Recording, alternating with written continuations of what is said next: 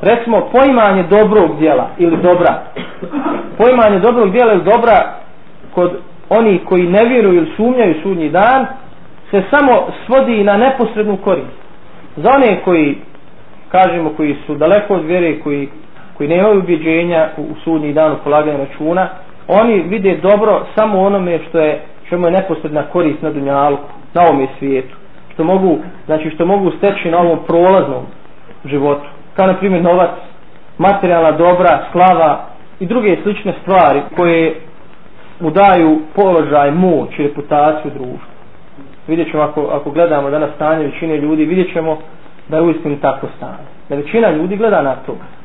Da mu je to dobro to je njegovo pojmanje dobra. Posebno recimo kada se susrećete sa ljudima koji su kojima je vjera zadnja rupa na sviralu ili sporedna stvar u životu vidi, i slušate njihove priče i razmišljanja da onda se uvjerite baš u da vidite da im je samo preokupacija novac, materija, kako dobro zarasti, kako dobro proživjeti da im je to su, suština i smisao života što je, što je najgora zabuda a i pored toga oni izjavljuju jeli, da, da vjeruju u Allah i sudnji dan i pored toga drže se, ponekad se sjete vjere jeli, od bajrama do bajrama.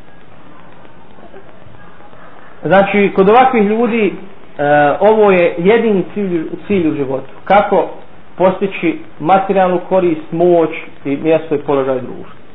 Isto kako zadovoljiti vlastitim željama, ličnim uspjesima e, i takav smatra lošim sve što remeti njegove interese na ovom svijetu. Za njega je sve loše, pa čak i vjera.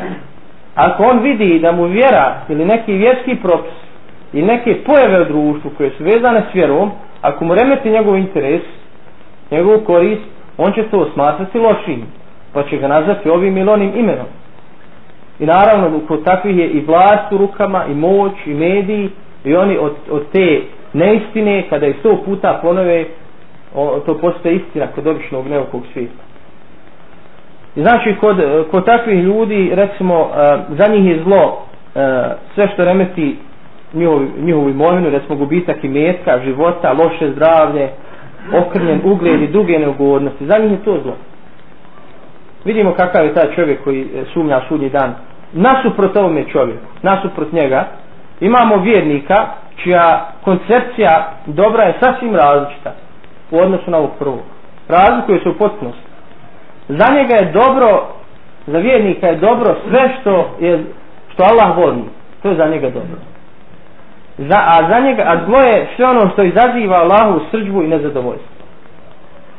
Pogledajte kako su, jeli, kako je kod vjernika, kako je vjerovanje i kako je poimanje dobra i zla.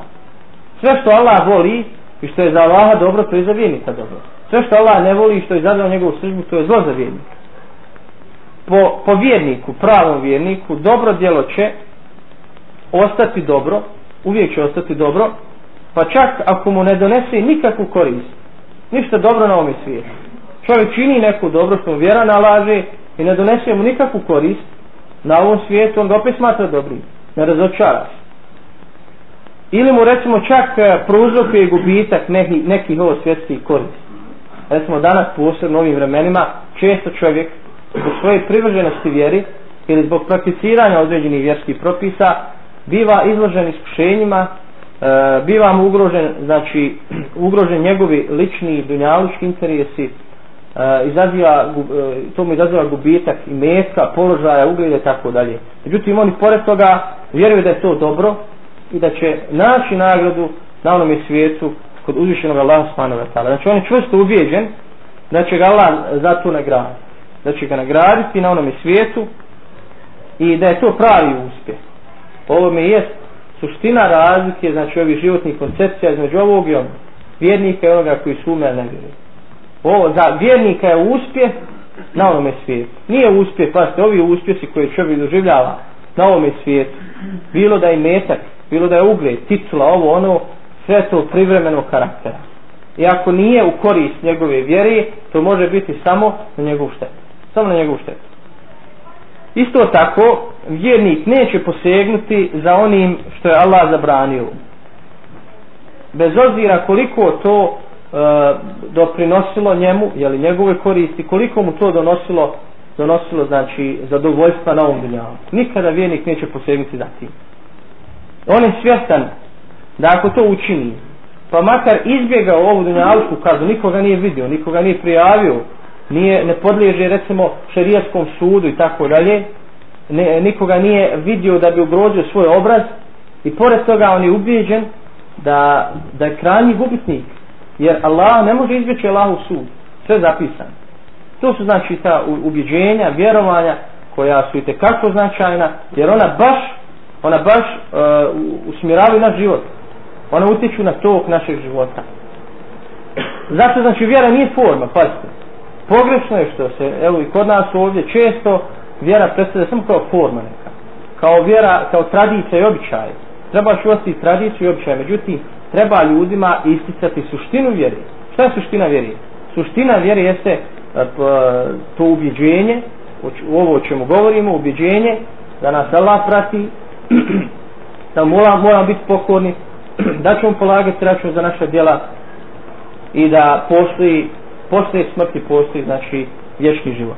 Također on se pridržava islamskog morala bez obzira imao štetu od toga ili korist. Opet kažemo ako živi u društvu koje je neislamsko često od islamskog morala ako, se živi, ako živimo u društvu koje nije islamsko često imamo štetu po nas ovu vidljivu jel, dunjaličku međutim imamo na onom svijetu korist. Dakle vjerovanje ili nevjerovanje u život nakon smrti čini da čovjek usvoji različite puteve različite puteve u životu.